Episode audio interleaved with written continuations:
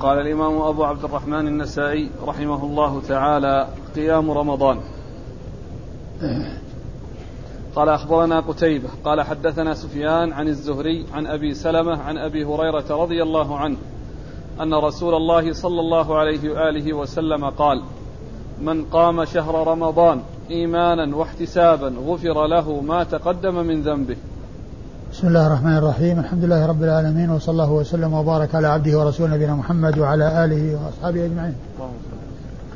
أما بعد يقول النسائي رحمه الله قيام رمضان أي أنه من الإيمان ومن خصال الإيمان.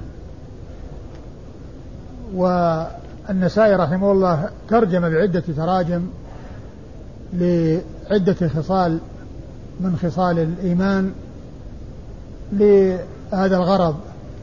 يعني لبيان جملة من الأعمال التي هي من خصال الإيمان. وصنيعه مثل صنيع البخاري رحمه الله فإنه في صحيحه عقد عدة أبواب من هذا القبيل. يعني قيام رمضان من الإيمان قيام ليلة القدر من الإيمان آه، آه، أداء الخمس من الإيمان أداء الزكاة من الإيمان وهكذا. وقد أورد النسائي حديث أبي هريرة رضي الله عنه. أن النبي صلى الله, صلى الله عليه وسلم قال من قام رمضان من قام شهر رمضان إيمانا واحتسابا غفر له ما تقدم من ذنبه. وهذا فيه بيان عظم آه، قيام عظم أجر أو فضل بيان فضل شهر قيام رمضان وعظم أجره وثوابه. حيث أن النبي عليه الصلاة والسلام قال من قام رمضان إيمانا واحتسابا غفر له ما تقدم من ذنبه. و فالجزاء هو غفر له ما تقدم من ذنبه. وهذا يدل على عظم ثوابه وعظيم أجره وأنه يكفر الذنوب ويكفر الخطايا. وقوله عليه الصلاة والسلام من قام رمضان إيمانا واحتسابا إيمانا أي أنه آه أن أي أن الذي آه، دفعه على القيام الإيمان بالله ورسوله والتصديق بما جاء من الأخبار عن الله وعن رسوله صلى الله عليه وسلم في بيان أجور الأعمال ومنها هذا الذي جاء في هذا الحديث عن النبي صلى الله عليه وسلم من أن أجر من فعل ذلك أن يغفر له ما تقدم من ذنبه. واحتسابا أي أنه فعل ذلك من أجل وجه الله عز وجل ومن وإرادة الدار الآخرة. ما فعله رياء ولا سمعة وإنما فعله خالصا لله عز وجل. وكلمة إيمان واحتسابا مفعول لأجله أي أن الذي دفعه إلى ذلك أو أن فعله هذا لأجل الإيمان والاحتساب. فهو فقيل قيل معناه أنه لأجل الإيمان بالله ورسوله أو من أجل الإيمان بفضل آه، قيام شهر رمضان. وهو التصديق وأنه مصدق بما جاء عن الرسول صلى الله عليه وسلم في شأن قيام شهر رمضان من حيث عظيم آه، جزائه وثوابه عند الله عز وجل.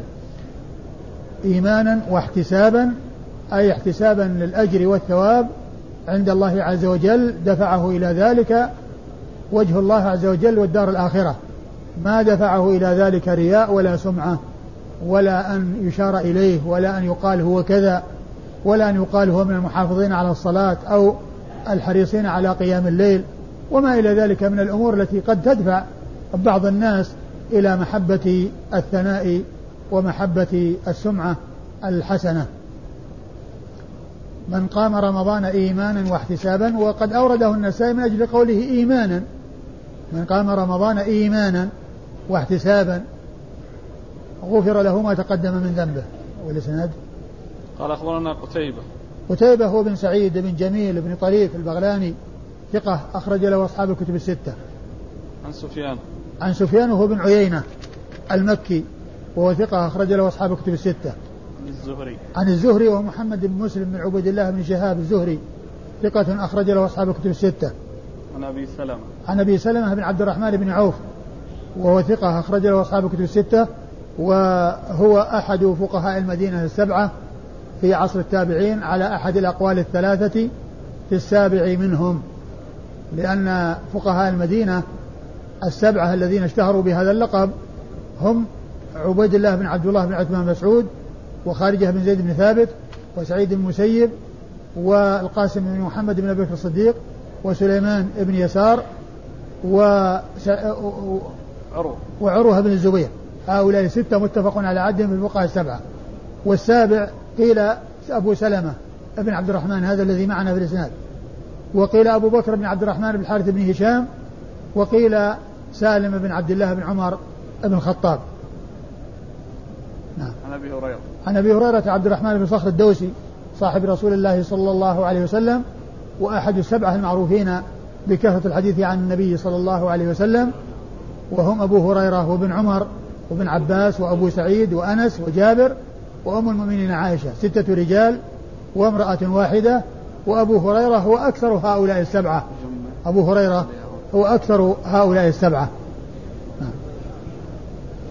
قال أخبرنا قتيبة عن مالك عن ابن شهاب حاء قال والحارث بن مسكين قراءة عليه وأنا أسمع عن ابن القاسم قال حدثني مالك عن ابن شهاب عن حميد بن عبد الرحمن عن أبي هريرة رضي الله عنه أن النبي صلى الله عليه وآله وسلم قال من قام رمضان إيمانا واحتسابا غفر له ما تقدم من ذنبه. ثم ورد النسائي حديث أبي هريرة من طريق أخرى وهو مثل الطريقة السابقة والإسناد قال أخبرنا قتيبة عن مالك. قتيبة مر ذكره مالك بن أنس إمام دار الهجرة الفقيه الإمام المشهور المحدث الفقيه أحد أصحاب المذاهب الأربعة المشهورة من مذاهب أهل السنة وحديثه أخرجه أصحاب الكتب الستة.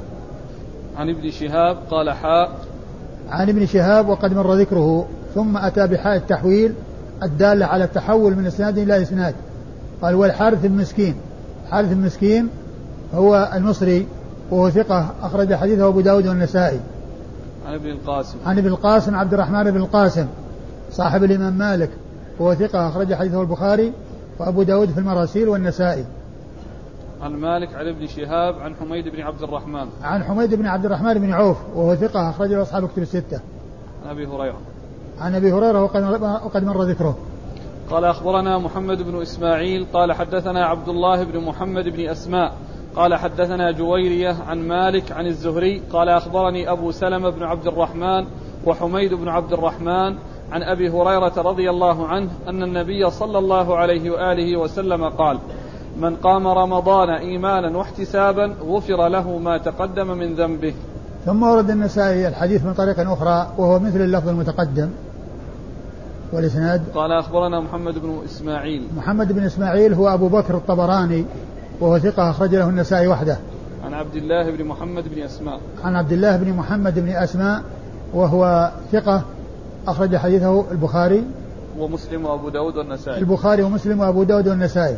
عن جويرية. عن جويرية بن أسماء وهو يروي عن عمه. عبد الله بن محمد بن أسماء يروي عن عمه جويرية بن أسماء لأن محمد هو أخو جويرية وأبوهما أسماء و وهو ثقة اللي هو عبد الله بن محمد أخرج حديثه البخاري ومسلم وأبو داود النسائي وجويرية بن أسماء آه ثقة؟ صدوق. صدوق أخرجه أصحاب الكتب الستة. إلا الترمذي. أصحاب الكتب الستة إلا الترمذي. وجويرية هذا ابن أسماء يعني اسمه واسم أبيه مما يوافق أسماء النساء لأن جويرية من أسامي النساء وأسماء من أسامي النساء. عن مالك عن الزهري عن أبي سلمة وحميد بن عبد الرحمن عن أبي هريرة. وقد مر ذكرهم. آه، من من ترك بعض ليالي رمضان هل يحق له هذا الأجر؟ الله أعلم. يسأل عن قوله ما تقدم من ذنبه يقول صغيره وكبيره. لا هو الذي الذي الذي يغفر ما تقدم هو الصغائر. وأما الكبائر فإنها لا, بد فيها من توبة. لا بد فيها من توبة. وهذا مثل قوله الجمعة إلى الجمعة ورمضان إلى رمضان مكفرة لما بينهن ما اجتنبت الكبائر. ما اجتنبت الكبائر. يعني هو لابد من التوبة في الكبائر لأنه لو قام رمضان وهو مصر على المعاصي التي يرتكبها يرتكبها لا يقال إن قيام رمضان يكفرها وهو مصر عليها وهو مصر عليها واذا فلا بد فيها من توبة. نعم. قال رحمه الله تعالى قيام ليلة القدر. قال أخبرنا أبو الأشعث قال حدثنا خالد يعني بن الحارث. قال حدثنا هشام عن يحيى بن أبي كثير عن أبي سلمة بن عبد الرحمن. قال حدثني أبو هريرة رضي الله عنه أن رسول الله صلى الله عليه وآله وسلم قال من قام رمضان إيمانا واحتسابا غفر له ما تقدم من ذنبه ومن قام ليلة القدر إيمانا واحتسابا غفر له ما تقدم من ذنبه. ثم ورد النسائي هذه الترجمة وهي ليلة القيام ليلة القدر أي أنه من الإيمان. وإنما أفرد ليلة القدر لأنه ورد التنصيص عليها بخصوصها وإن كانت داخلة تحت عموم قوله من قام رمضان إيمانا واحتسابا الجملة الأولى لأن ليلة القدر من رمضان. والذي يقوم ليالي رمضان كلها من أولها إلى آخرها فليلة القدر واحدة من تلك الليالي ولكنه أفردها بالذكر لشرفها ولعظم شأنها وقد جاء في القرآن بيان فضلها وتفضيلها وأنها خير من ألف شهر أي تعادل ثلاثا وثمانين سنة لأن ألف شهر تأتي ثلاث وثمانين سنة يعني عمر عمر طويل. وهذا فيه عظم شأنها وعظيم آه، منزلتها عند الله عز وجل. أورد النسائي حديث أبي هريرة من قام رمضان إيمانا واحتسابا غفر له ما تقدم من ذنبه وهذا مثل ما تقدم. ومحل الشاهد الجملة الثانية وهي قوله ومن قام ليلة القدر إيمانا واحتسابا غفر له ما تقدم من ذنبه. ورمضان من بدايته إلى نهايته تدخل في ليلة القدر ولكنها في العشر الأواخر منه. هي في العشر الأواخر منه. فقيامها فيه الأجر العظيم وقيام رمضان فيه الأجر العظيم وقيام وليلة القدر ليست معروفة على التعيين في العشر. و ولكن من يقوم العشر؟ يقوم ليلة القدر لأنها واحدة من تلك الليالي. واحدة من تلك الليالي. وقيل إنها لعلها أخفيت حتى لا يتكل الناس على تلك الليلة ويتحروها وإذا جاءت تلك الليلة قاموا وفي غيرها ينامون. فإذا عرفوا أنها في حدود عشر ليالي يجتهدون في العشر الليالي. يجتهدون في العشر الليالي والإنسان إذا اجتهد في العشر الليالي فإن ليلة القدر واحدة من هذه العشر. نعم. قال أخبرنا أبو الأشعث.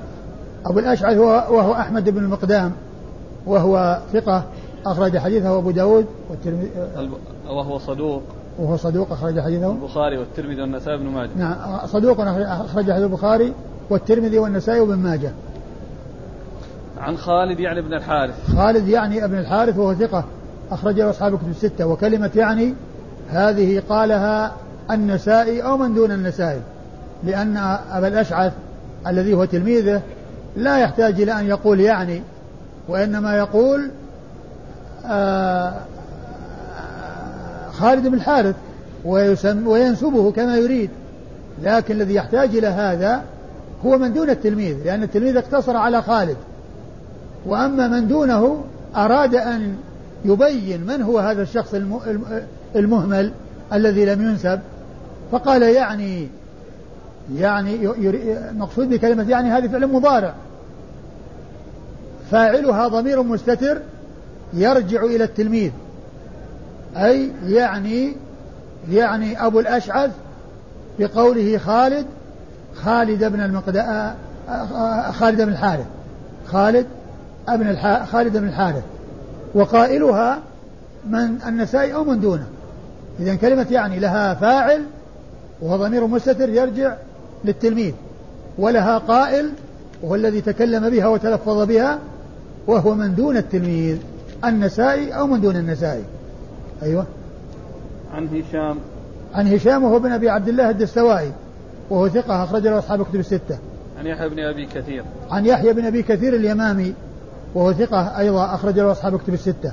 عن أبي سلمة بن عبد الرحمن عن أبي هريرة. عن أبي سلمة بن عبد الرحمن عن أبي هريرة وقد مر ذكرهم ذكرهما. أحسن الله إليك. ما وجه تسميتها بالقدر ليلة القدر. الله أعلم لكن لعله يعني لأنها يعني تقدر فيها يعني آه، فيها تقدير يعني وهو من التقدير السنوي. أو يعني أو أنها لأنها ذات قدر ومنزلة وتميز وقدرها عظيم وشأنها كبير. بالنسبة بالنسبة ل... أصبر. نعم. بالنسبة لقيام رمضان في العشر الأواخر كما تعلمون فيه تراويح وقيام الليل.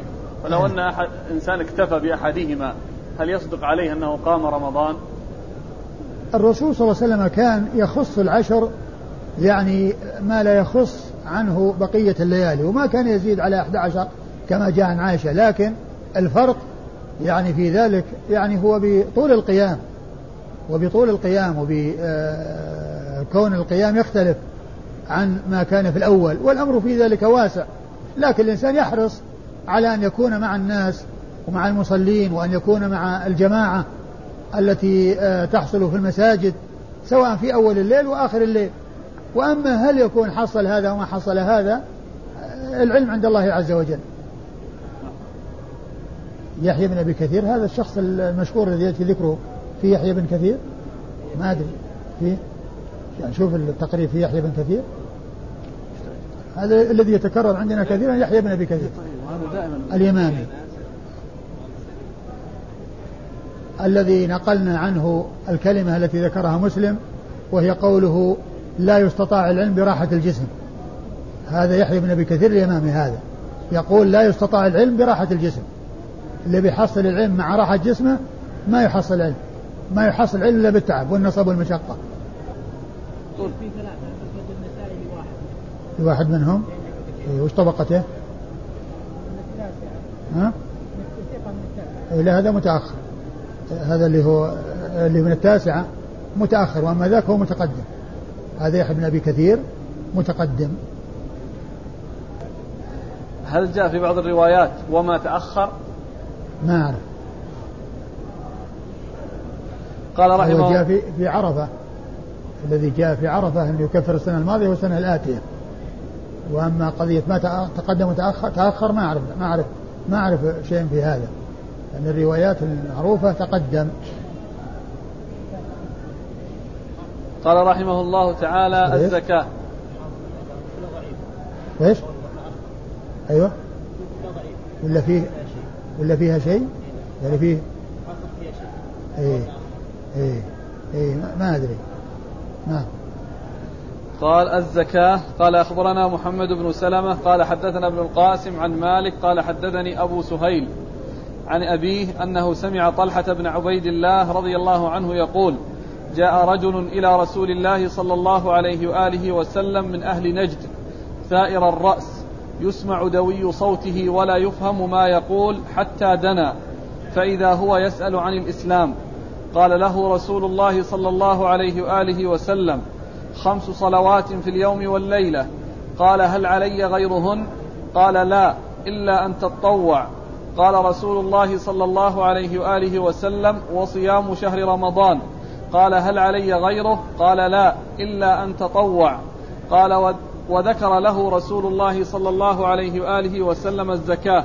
فقال هل علي غيرها؟ قال لا إلا أن تطوع. فأدبر الرجل وهو يقول لا أزيد على هذا ولا أنقص منه. فقال رسول الله صلى الله عليه وآله وسلم أفلح إن صدق. ثم ورد النسائي الزكاة. أي أن الزكاة من الإيمان أو أداء الزكاة من الإيمان. وأورد النسائي حديث حديث طلحة بن عبيد الله رضي الله تعالى عنه أن النبي صلى الله عليه وسلم كان كان جالسا قال لا. جاء رجل إلى رسول الله قال, قال جاء رجل إلى رسول الله صلى الله عليه وسلم آه، من أهل نجد ثائر الرأس يعني منتفش الرأس يعني غير آه، آه، يعني فيه انتفاش يعني ثائر. إيش بعده؟ تسمع نعم يسمع دوي صوته. يسمع دوي, دوي صوته يعني وهو من بعيد يتكلم يعني قبل أن يدنو. ف يعني فلما دنا وإذا هو يسأل عن الإسلام وإذا هو يسأل عن الإسلام فقال له رسول الله صلى الله عليه وسلم خمس صلوات في يعني في اليوم والليلة. يعني أنه يسأل عن عن أعمال الإسلام والتي هي مطلوبة منه. فقال خمس صلوات في اليوم والليلة. كتبهن الله في كل يوم وليلة قال هل علي غيرها؟ يعني هذه الخمس هل علي غيرها؟ قال لا إلا أن تطوع. ليس عليك غيرها يعني شيء واجب إلا أن تطوع. قال آه وذكر الصيام. وصيام شهر رمضان. وصيام شهر رمضان. يعني أيضا هذا من الإسلام. قال هل علي غير ذلك؟ قال لا إلا أن تطوع. وذكر الرسول صلى الله عليه وسلم الزكاة. وقال هل علي غيرها؟ قال لا إلا أن تطوع. فأدبر الرجل وهو يقول لا أزيد على هذا ولا أنقص فقال عليه الصلاة والسلام أفلح إن صدق. والنسائي أورد الحديث من أجل أنه سأل عن الإسلام وأخبره أن الإسلام يشتمل على الصلاة والزكاة والصيام والح... والصيام. و وذكر الزكاة هو محل الشاهد. وقد فسر النبي صلى الله عليه وسلم الإسلام أو الذي سأل عنه ذلك الشخص بالصلاة والزكاة والصيام. ومعنى هذا أن هذه من أعمال الإسلام. ومن المعلوم أن أن أن كل من لفظ الإسلام والإيمان إذا انفرد فإنه يدخل فيه الإسلام والإيمان. يدخل فيه الأمور الظاهرة والباطنة. وهذه من الأمور الظاهرة لأنه فسر بها الأمور الظاهرة بخلاف حديث جبريل لأن لما كان السؤال عن الإيمان وعن الإسلام فسر الإسلام بالأمور الظاهرة وفسر الإيمان بالأمور الباطنة. لكن حيث جاء الإسلام وحده يفسر بالظاهرة والباطنة أو يقتصر على بعض ما هو ظاهر أو باطن. وكذلك الإيمان إذا جاء وحده يفسر يعني بالظاهر والباطن أو يقتصر على شيء من ذلك. وهنا فسر الإسلام بشيء من الأعمال الظاهرة. بشيء من الأعمال الظاهرة. إذا آه كل من لفظ الإسلام والإيمان إذا انفرد أحدهما على الآخر يكون مشتملا على هذا وهذا. ولهذا فإنه لا إشكال في كونه فسر الإسلام بالأمور يعني آه آه بالأمور الظاهرة أو يعني وأن المقصود بذلك ما يشمل الإسلام والإيمان وتفسيره بالأمور الظاهرة يطابق معناه اللغوي وهو مطابق لما جاء في حديث جبريل. لكن لا يعني أن الإيمان لا يكون لا تكون الصلاة ولا الزكاة ولا الصيام من الإيمان بل هي من الإيمان وهي من الإسلام. وأما حديث جبريل لما كان السؤال عن الإسلام على حدة والإيمان على حدة فرق المعنى أو وزع المعنى بينهما وهو أعطي الإيمان ما يتعلق بالأمور الباطنة وأعطي الإسلام ما يتعلق بالأمور الظاهرة. وسيأتي في حديث عبد وفد عبد القيس أن النبي صلى الله عليه وسلم فسر الإيمان بالصلاة والزكاة والصيام وأداء الخمس من الغنيمة. يعني فسر الإسلام فسر الإيمان بأمور ظاهرة وهنا فسر الإسلام بأمور ظاهرة. والمقصود أنه ليس هذا هو وحدة تفسير الإسلام أو الإيمان بل هذا من جملة ما يدخل تحت الإسلام إذا انفرد ومما يدخل تحت الإيمان إذا انفرد لأنه عند انفراد أحدهما يشمل الأمور الظاهرة والباطنة. وإذا فسر ببعض الأمور الظاهرة أو بعض الأمور الباطنة فإنه لا ينافي أنه يطلق على الأمور الأخرى. إيش اللفظ؟ تقرأه. مرة ثانية. يقول جاء رجل إلى رسول الله صلى الله عليه وآله وسلم من أهل نجد ثائر الرأس يسمع دوي صوته ولا يفهم ما يقول حتى دنا. أيوة حتى دنا. أيوة دنا وصل صار قريبا منه وإذا هو يسأل عن الإسلام. فإذا هو يسأل عن الإسلام قال له رسول الله صلى الله عليه وآله وسلم خمس صلوات في اليوم والليلة. قال هل علي غيرهن؟ قال لا إلا أن تطوع. قال رسول الله صلى الله عليه وآله وسلم وصيام شهر رمضان. قال هل علي غيره؟ قال لا إلا أن تطوع. وذكر له رسول الله صلى الله عليه وآله وسلم الزكاة. فقال هل علي غيرها؟ قال لا إلا أن تطوع. فأدبر الرجل وهو يقول لا أزيد على هذا ولا أنقص ولا أنقص منه. فقال رسول الله صلى الله عليه وآله وسلم أفلح إن صدق. يعني أنه سيقوم بأداء الواجبات. التي أوجبها الله عليه وأنه لا ينقص ولا يزيد. يعني معناه أنه يؤدي الشيء الذي أوجبه الله تعالى عليه. لكن من المعلوم أن النوافل مطلوب أداؤها مع الفرائض. لكن الفرائض مقدمة والإنسان يحرص على الفرائض ويحرص بعد ذلك على النوافل. أما أن يحرص على النوافل ويتكاسل عن الفرائض أو يقصر في الفرائض فهذا من أكبر الخطأ ولهذا جاء عن بعض السلف كما ذكر ذلك الحافظ بن حجر في فتح الباري قال من اشتغل بالفرض عن النفل فهو معذور ومن اشتغل بالنفل عن الفرض فهو مغرور ومن اشتغل بالنفل عن الفرض فهو مغرور. وقد جاء في الحديث القدسي وما تقرب إلي عبدي بشيء أحب إلي مما افترضته عليه. ثم قال بعد ذلك بشأن النوافل وما يزال عبدي يتقرب إلي بالنوافل حتى أحبه إلى آخر الحديث. فإذا الإنسان يحرص على الفرائض وهي المقدمة وهي التي إذا تركها أثم ويحرص على زيادة الدرجات ورفعة الدرجات وذلك بأداء النوافل التي هي وراء الفرائض سواء كان في الصلاة أو الزكاة أو الصيام أو الحج أو غير ذلك. من الأمور الواجبة يأتي بالواجب ويأتي معه بالإيش؟ بالأمر المستحب. آه قال عليه الصلاة والسلام أفلح إن صدق. يعني إن صدق فيما قال إنه يؤدي الواجبات فإنه يكون من المفلحين. وسلك طريق الفلاح. نعم الإسناد قال أخبرنا محمد بن سلمة. محمد بن سلمة المرادي المصري وهو ثقة أخرج حديث مسلم. وأبو داود والنسائي وابن ماجه. عن ابن القاسم عن مالك عن أبي سهيل. عن عبد عن ابن القاسم وهو عبد الرحمن عن مالك وقد مر ذكرهما. عن أبي سهيل وهو نافع بن مالك بن أبي عامر وهو ثقة أخرج حديث أصحاب الكتب الستة.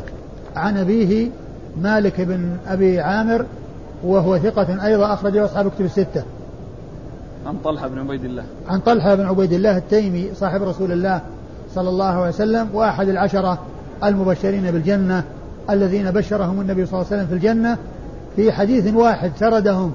فقال عليه الصلاة والسلام أبو بكر في الجنة وعمر في الجنة وعثمان في الجنة وعلي في الجنة وطلحة في الجنة والزبير في الجنة وعبد الرحمن بن عوف في الجنة وسعد بن أبي وقاص في الجنة وأبو عبيدة بن الجراح في الجنة وسعيد بن زيد وسعيد بن زيد في الجنة. سردهم في حديث واحد فقيل لهم العشرة المبشرين بالجنة. لكن لا يعني أن البشارة بالجنة خاصة بهم بل قد جاءت البشارة بالجنة لأشخاص يعني سواهم كالحسن والحسين وكثابت بن قيس بن شماس وكعكاشة بن محصن وكبلال وغيرهم من الصحابة رضي الله تعالى عنهم. يعني جاء حديث خاصة في آحاد منهم تدل على البشارة في الجنة ولكن لقب العشرة حصل لهؤلاء لأنهم ذكروا في حديث واحد. وحديثه أخرجه أصحاب الكتب الستة. الحديث دلالة على عدم وجود الوتر. الحديث دلالة على عدم وجود الوتر. نعم يدل على عدم وجوب الوتر. لكن الوتر هو آكد النوافل. آكد النوافل ومثله آه، ركعتي الفجر.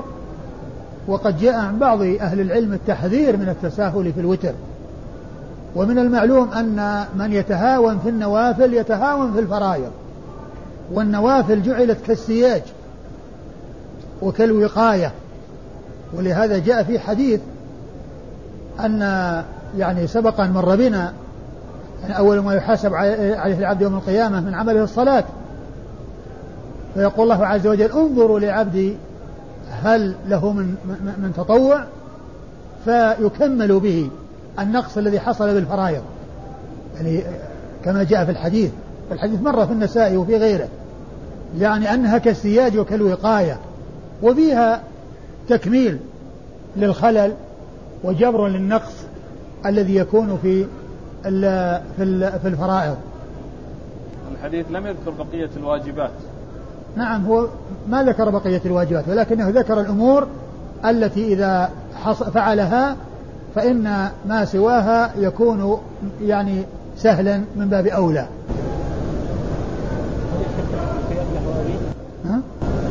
هذا الحديث الذي فيه الشخص أفلح وأبيه هو نفسه. نعم. نعم أفلح وأبيه سلام هذا في صحيح مسلم.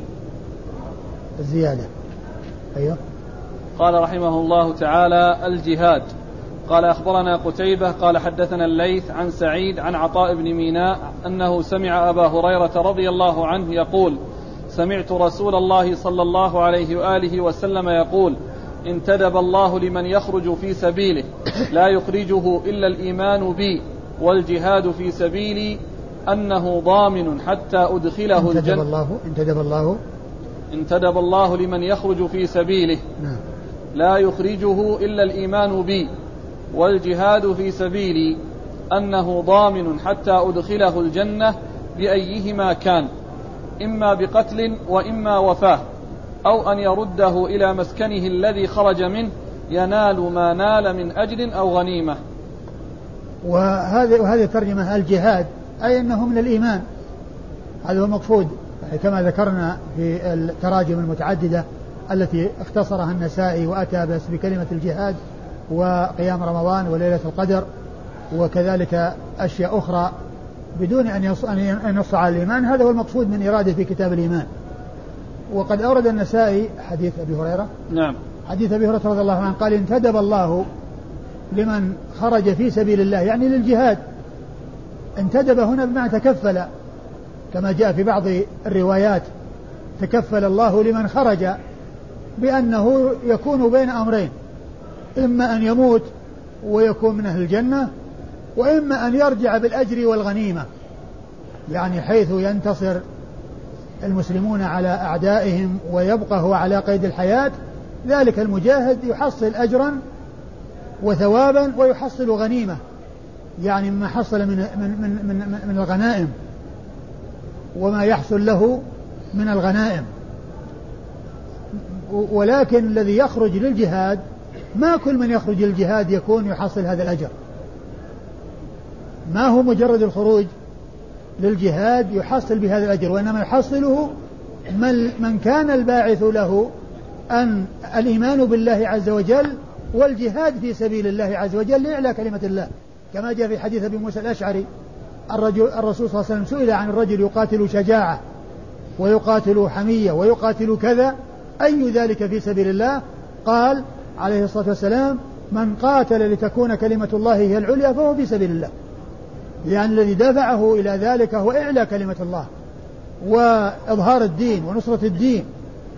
هذا هو الذي يحصل الجنة إن مات والثواب الذي هو يكون من أهل الجنة أو يكون يرجع بأجر وغنيمة إن لم إن لم يمت. وقد ذكر أن موته إذا حصل في الجهاد في سبيل الله سواء كان بالقتل أو الوفاة.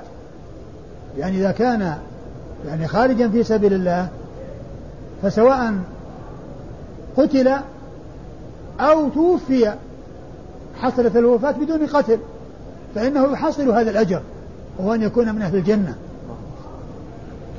و ولهذا كما كما جاء في الحديث ثم آه، الصحابية التي خرجت للجهاد خرجت مع زوجها والتي كان آه، أنها أم حرام. هي أم حرام ولا إيش؟ الصحابية هي اللي كان يعني آه، يعني نام عندها في القيلولة. أم حرام بنت ملحان. أي نعم. أم حرام بنت ملحان. يعني قالت نام عندها رسول الله صلى الله عليه وسلم. وكان يعني فخرج فقام يعني أغفى فقام يضحك فقالت مما تضحك؟ قال أناس يخرجون في سبيل الله كالملوك على الأسرة صفتهم كذا وصفتهم كذا وثوابهم كذا. فقالت ادعو الله يجعلني منهم. فقال أنت منهم. ثم أيضا نام وحصل منه يعني قام يضحك فقال كلاما آخر مثل ذلك فقالت يعني قال أنت مع الأولين أنت من القسم الأول. فخرجت ولكنها لما رجعت في الطريق سقطت من ناقتها وماتت. يعني ما كانت قتلت في سبيل الله وما حصل لها قتل في سبيل الله وإنما ماتت. فهنا في الحديث قال بقتل أو وفاة. بقتل أو وفاة يعني سواء كان يعني حصل بهذا أو بهذا هو على خير. ما دام خرج لإعلاء كلمة الله ولا يخرجه إلا إيمانا بالله وجهادا في سبيل الله أي لإعلاء كلمة الله سبحانه وتعالى. وهذا هو محل الشاهد. لا يخرجه إلا إيمان بي يعني معناه أن الخروج في سبيل الله لقتال الأعداء يعني من الإيمان والذي يدفعه التصديق بما وعد الله عز وجل به من خرج لإعلاء كلمة الله أنه بين أمرين. إما أن يموت بقتل أو وفاة ويحصل الجنة أو يرجع بأجر أو غنيمة. بأجر وغنيمة يعني بين شيئين أجر وغنيمة. أيوة. أو أن يرده إيه؟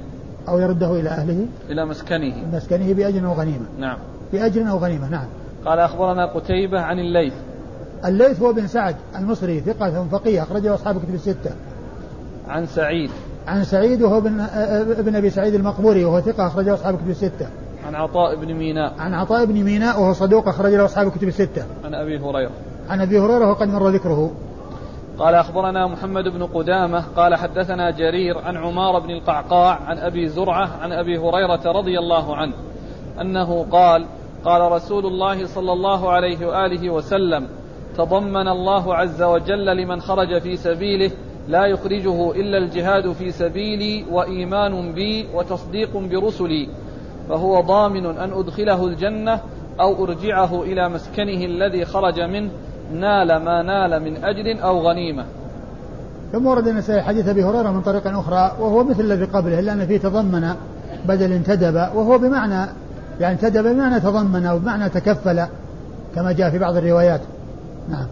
قال أخبرنا محمد بن قدامة. محمد بن قدامة المصيصي وهو ثقة أخرج حديثه أبو داود أبو داود والنسائي بن ماجه. أبو داود والنسائي بن ماجه. عن جرير. عن جرير بن عبد الحميد الضبي وهو ثقة أخرجه أصحاب كتب الستة. عن عمارة بن القعقاع. عن عمارة بن القعقاع وهو ثقة أخرجه أصحاب كتب الستة. عن أبي زرعة. عن أبي زرعة بن عمرو بن جرير البجلي وهو ثقة أخرجه أصحاب كتب الستة. عن أبي هريرة. عن أبي هريرة وقد مر ذكره. قال رحمه الله تعالى أداء الخمس.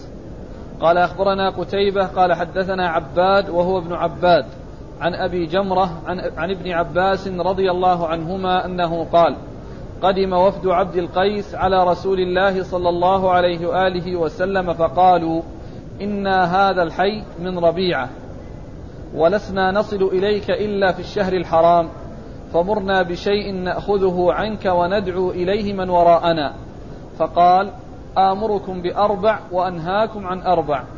الإيمان بالله ثم فسرها لهم شهادة أن لا إله إلا الله وأني رسول الله وإقام الصلاة وإيتاء الزكاة وأن تؤدوا, وأن تؤدوا إلي خمس ما غنمتم وأنهاكم عن الدباء والحنتم والمقير والمزفت. ثم أورد النسائي هذه الترجمة هي أداء الخمس أي من الإيمان. وأورد حديث ابن عباس رضي الله تعالى عنهما أن النبي صلى الله عليه وسلم جاءه وفد عبد القيس وهم من ربيعة وكانت منازلهم في البحرين وما حولها وكانوا ممن تقدم إسلامه وهم في بلادهم وبينهم وبين المدينة كفار مضر. ويحصل منهم أذى لهم وقتال ولكنهم يحترمون الأشهر الحرم فلا يقاتلون أحدا فيها. فكان هؤلاء لما جاءوا إلى الرسول صلى الله عليه وسلم يعني قالوا إننا ما نستطيع أن نأتي في كل وقت وبيننا وبينك ولا نستطيع إلا أن نأتي في شهر حرام.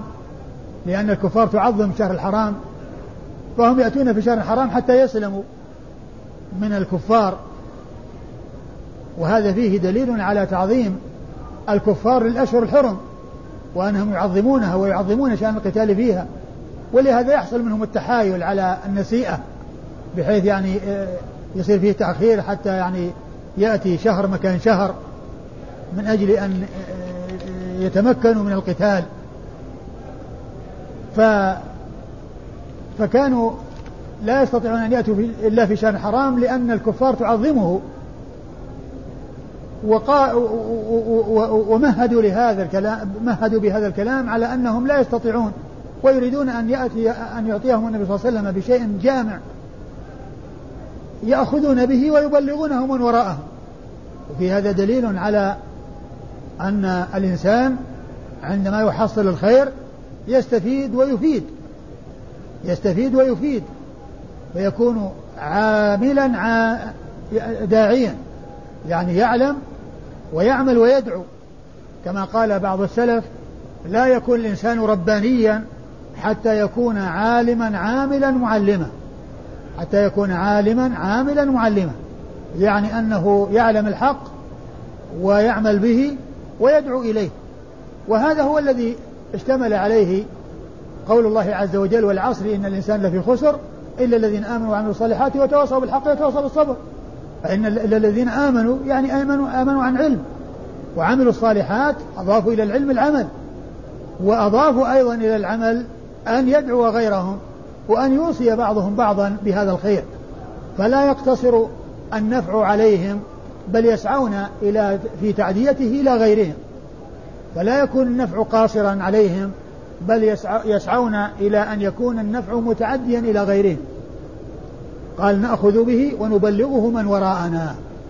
يعني نعمل به وندعو غيرنا إليه ونوصله إلى غيرنا حتى يعمل به. جاء في يعني آه، في كلامهم كما جاء وسألوه عن الأشربة. وسألوه عن الأشربة. فقال الرسول صلى الله عليه وسلم آمركم بأربع وأنهاكم عن أربع.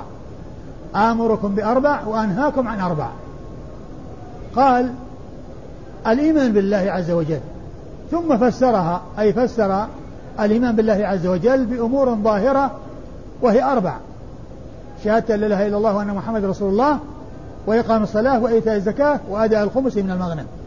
وأداء الخمس من المغنم. وهذا هو محل الشاهد من إيراد الحديث في الترجمة. لأنه قال أمركم بالإيمان ثم فسر الإيمان بأربعة أمور. وهذا لا ينافي أن الإيمان يشمل التصديق وما يقوم بالقلوب وما يقوم على الجوارح. من هذه الأمور الأربعة اللي من أعمال الجوارح ومن الأمور الأخرى.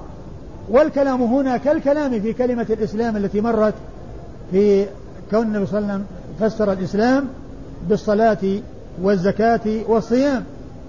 لأنه ذكر الإسلام مفردا ففسره في بعض ما يندرج تحته. وهنا فسر الإيمان ذكر الإيمان مفردا وفسره في بعض ما يندرج تحته. وفسره هنا بأمور ظاهرة وهي شهادة لا إله إلا الله وأن محمد رسول الله وإقام الصلاة وإيتاء الزكاة. وهم سألوا عن أعمال كما جاء في بعض الروايات يدخلون بها الجنة.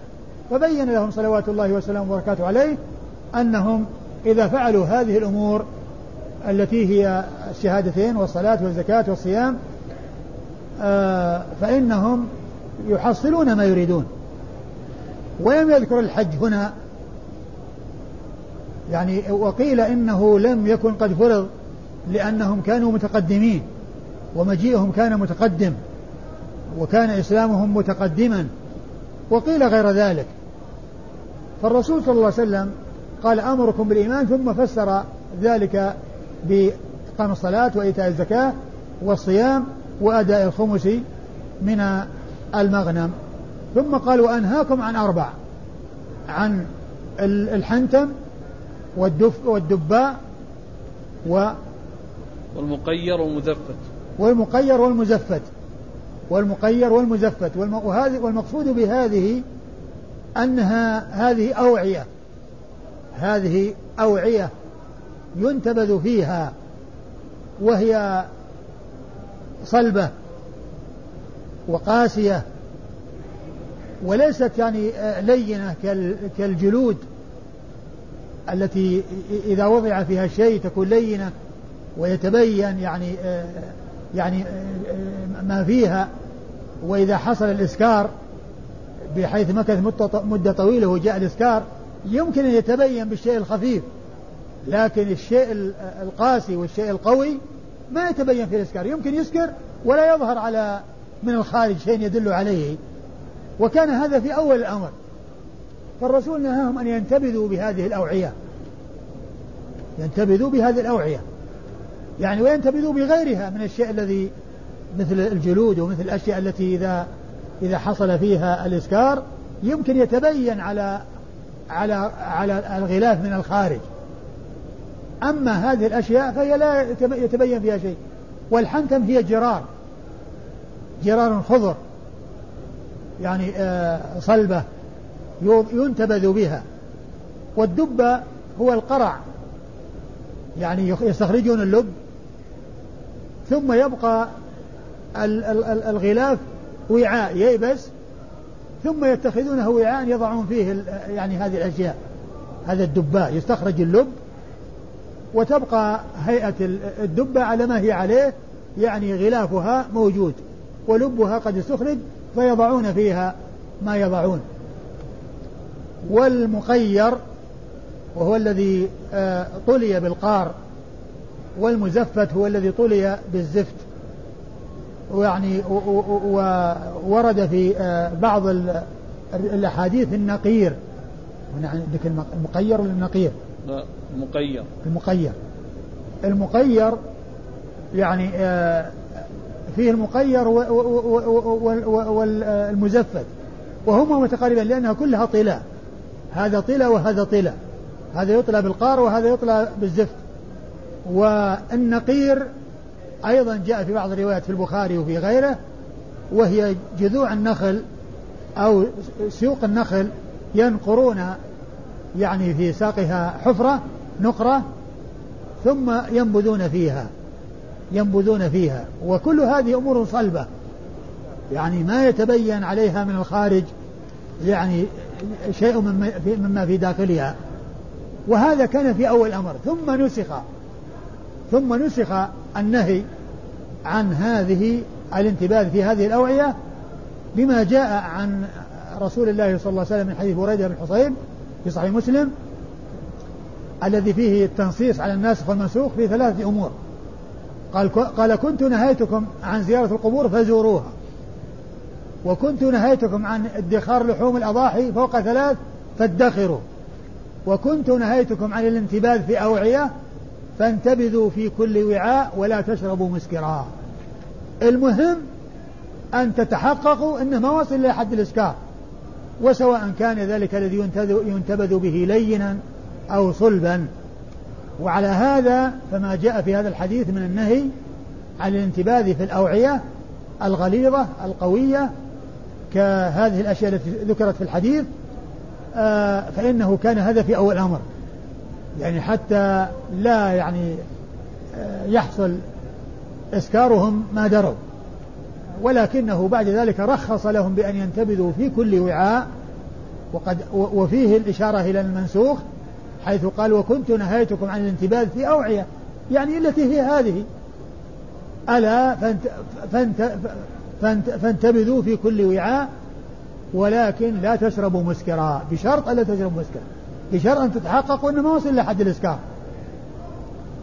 هذه الأربع التي نهى يعني والمقصود بها الأوعية. أو ال أو, أو ال ال ال ال الأشياء الذي ينتبذ في هذه الأوعية. نعم الإسناد. قال أخبرنا قتيبة عن عباد وهو ابن عباد. قتيبة مر ذكره عباد وهو ابن عباد بن حبيب بن مهلب وهو ثقة أخرج له أصحاب الكتب. ثقة ربما وهم. ها؟ ثقة ربما وهم ثقة أصحاب الكتب؟ نعم. ثقة ربما وهم أخرجه أصحاب الكتب الستة. وهو ويروي عنه قتيبة. وقتيبة من الطبقة العاشرة وهو من الطبقة السابعة. لكن هذا التفاوت بالطبقات لأن قتيبة متقدم. لأنه قد ولد سنة 150 ولد سنة 150 ومات سنة 40 و200 يعني عمره 90 سنة.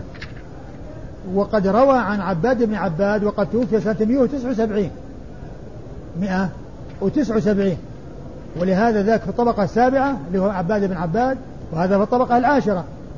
فهذا التفاوت في الطبقة كون بينه وبين طبقتين لأنه من جهة من جهة كونه معمر وأدرك المتقدمين أدرك أصحاب الطبقات المتقدمة. نعم.